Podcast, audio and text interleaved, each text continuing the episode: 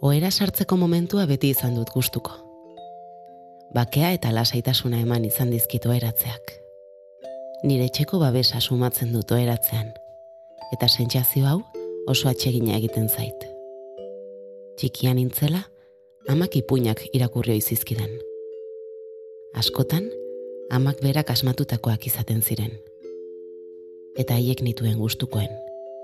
Gogoan geratu zaizkidanak. Urratsa. Gaur, oerako bidean emango dugu.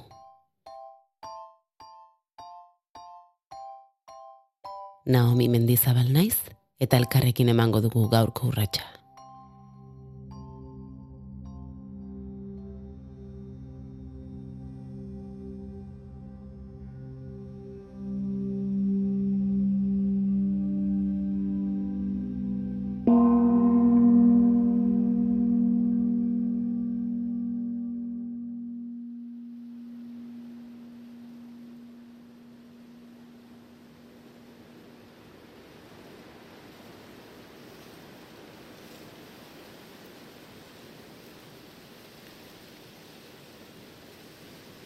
Estali gorputza goxo, eta utzi zure begiak isten pixkanaka. Egin barne ikus mira bat, zure egunari. Gustura janduzun ogitartekoa. Eskolan ikasi duzun zerbait berria. Parkean jolastu zareten lagun taldea.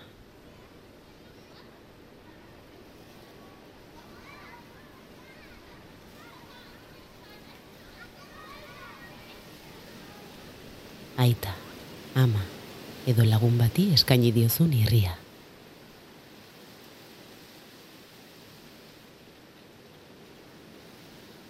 Sentitu, egun guztiko ekintzak sortu dizuten sentsazio bero eta goxoa. Eta sentsazio horretan zaudela, jarri zure gorputza postura eroso batean. Lotarako postura batean.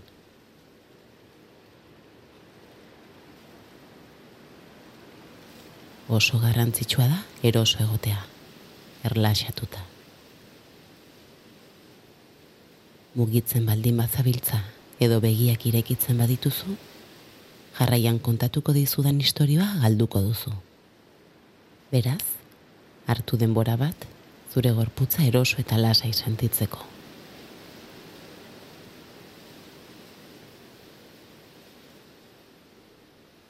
Hasi zure arnasketari atentzio eskaintzen.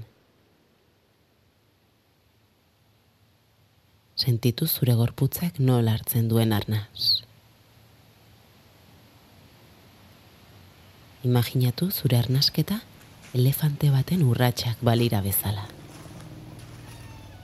Elefantea haundia eta pixutsua da, eta bere mugimenduak oso geldoak dira zure arnasketa bezala.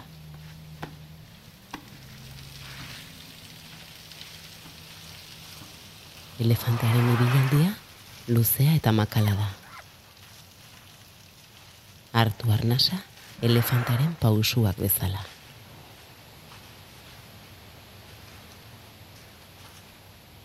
Artu eta bota izea leun. Utzi zure gorputzak arnasa aske ardezan.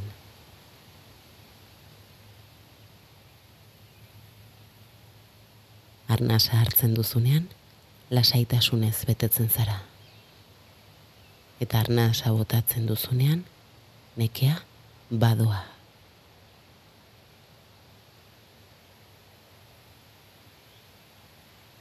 Egin arnasketa modu lasai batean isiltasunean.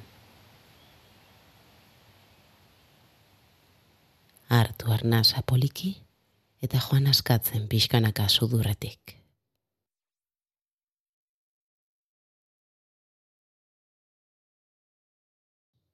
Errepikatu prozedura hau behin eta berriz.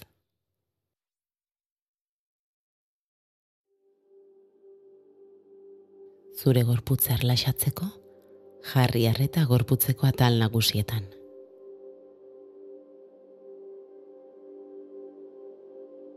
luzatu eta lasaitu zangoak.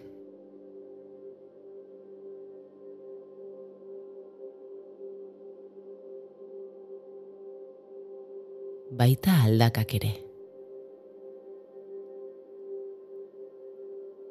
Bizkar osoa. Sabela. Bularra.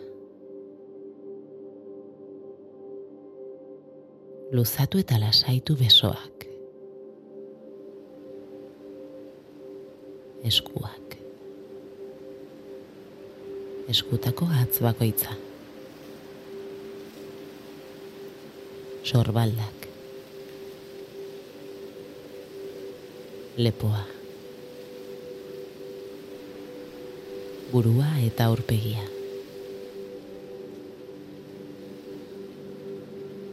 sentitu begiak, haua eta kopeta lasai.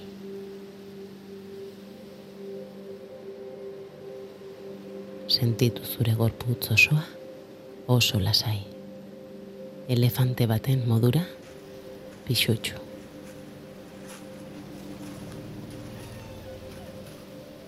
Orain, zure arnasketak, zure gorputzak eta zuk zeuk bat egin duzue gorputzaren erritmoa mantxotuz, lotarako lehen pausua eman duzu. Ipuina, astera doa.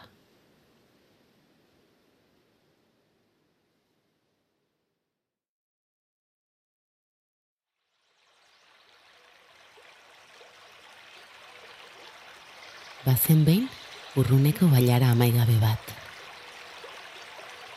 Bailara horretan zaude orain. ibai, baso eta zelaiez osatua dago. Giroa beti epela da bertan, eta zerua oskarbi egoten da. Bailaran barrena, belar freskoaren usaina nabaritu duzu. Usaina atxegingarria da. Oso atxegingarria. Eta gustura sentiarazi zaitu.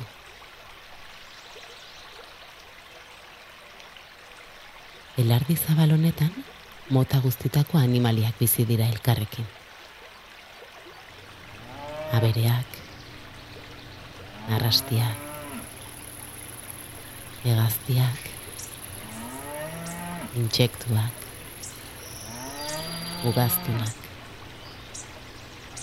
arrainak. Imaginatu aldituzun animalia guztiak bertan daude elkarrekin.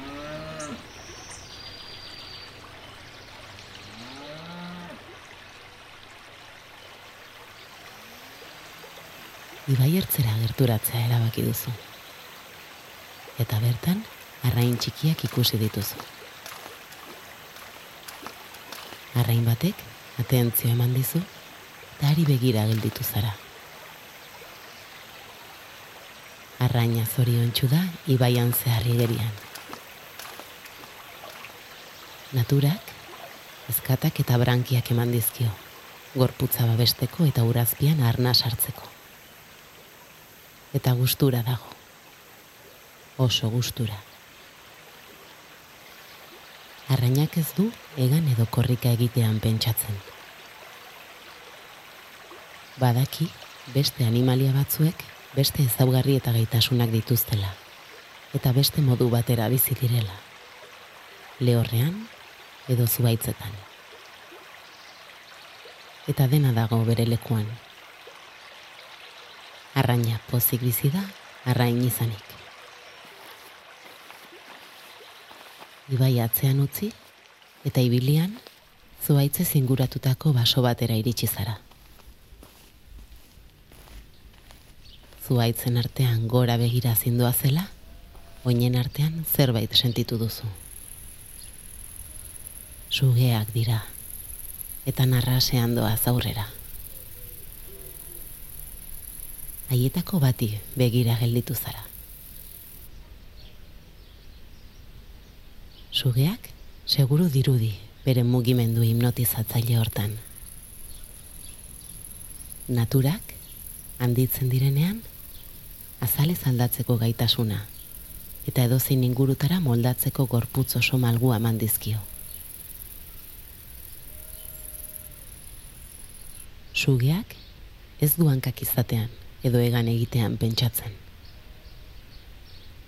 Badaki, beste animalia batzuek beste ezaugarri edo gaitasunak dituztela eta beste modu batera bizi direla. Uretan edo arkaitzetan. Eta dena dago ondo. Sugea, pozik bizi da, suge izanik.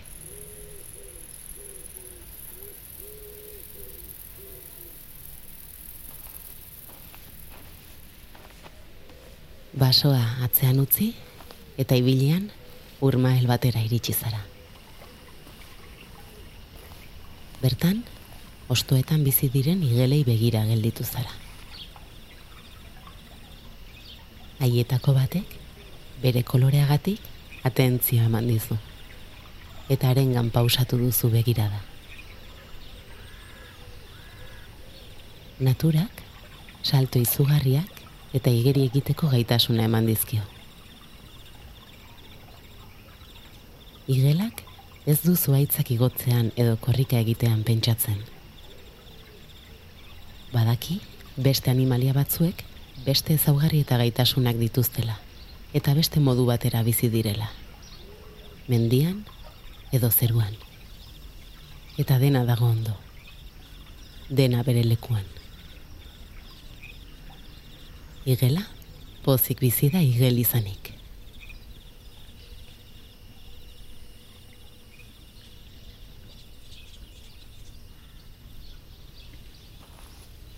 Urmaela atzean utzi, eta ibilian, zuaitz bakan batera iritsi zara.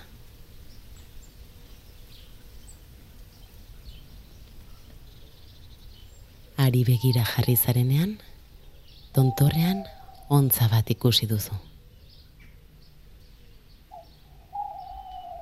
Naturak, ontzari, burua edozein angelutan mugitzeko gaitasuna eta izatzeko atzaparritzelak eman dizkio. Ontzak ez du igeri edo salto erraldoiak egitean pentsatzen. Badaki, beste animalia batzuek beste ezaugarri eta gaitasunak dituztela eta beste modu batera bizi direla. Itxasoan edo lurrazpian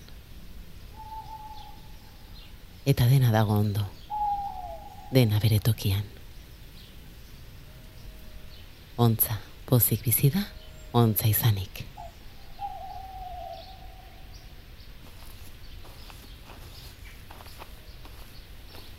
Ontza atzean utzi, eta belardian jaten dabilen behi taldeari begira jarri zara. Naturak lau errape eman dizkio kumeak esne zelikatzeko. Eta lau urdail handi janaria ongi liseritzeko. Behiak ez duegan egitean pentsatzen. Badaki, beste animalia batzuek beste ezaugarri eta gaitasunak dituztela. Eta beste modu batera bizi direla. Ibaietan, basoetan, basamortuetan, edo zuaitzetan. Dena dago ondo. Dena bere horretan.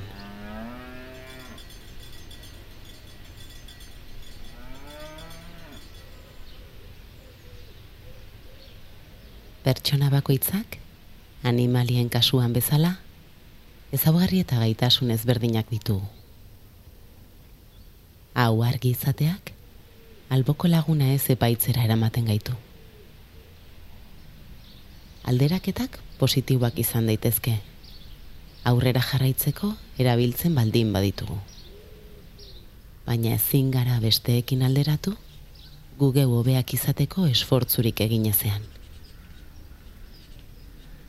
Helburua pausu bat aurrerago joatea baita. Indarra bildu eta ordura arte egindakoa gainditzea. Garrantzitsuena ez da tontorrera iristea. bidaiaz gozatzea baizik.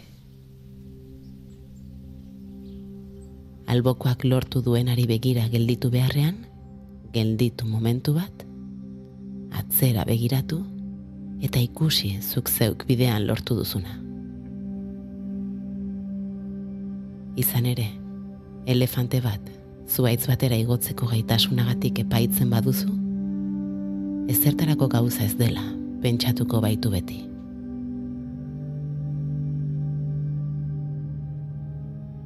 Eta alabazan eta ez bazan, sar dadila kalabazan.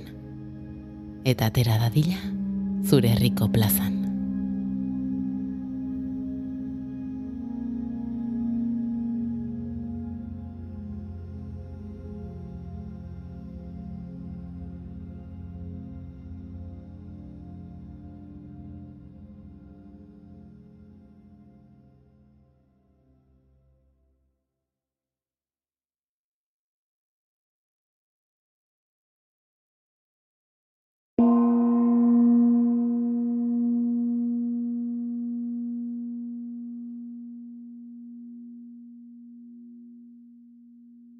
Naomi Mendizabal naiz eta urratsa izan da.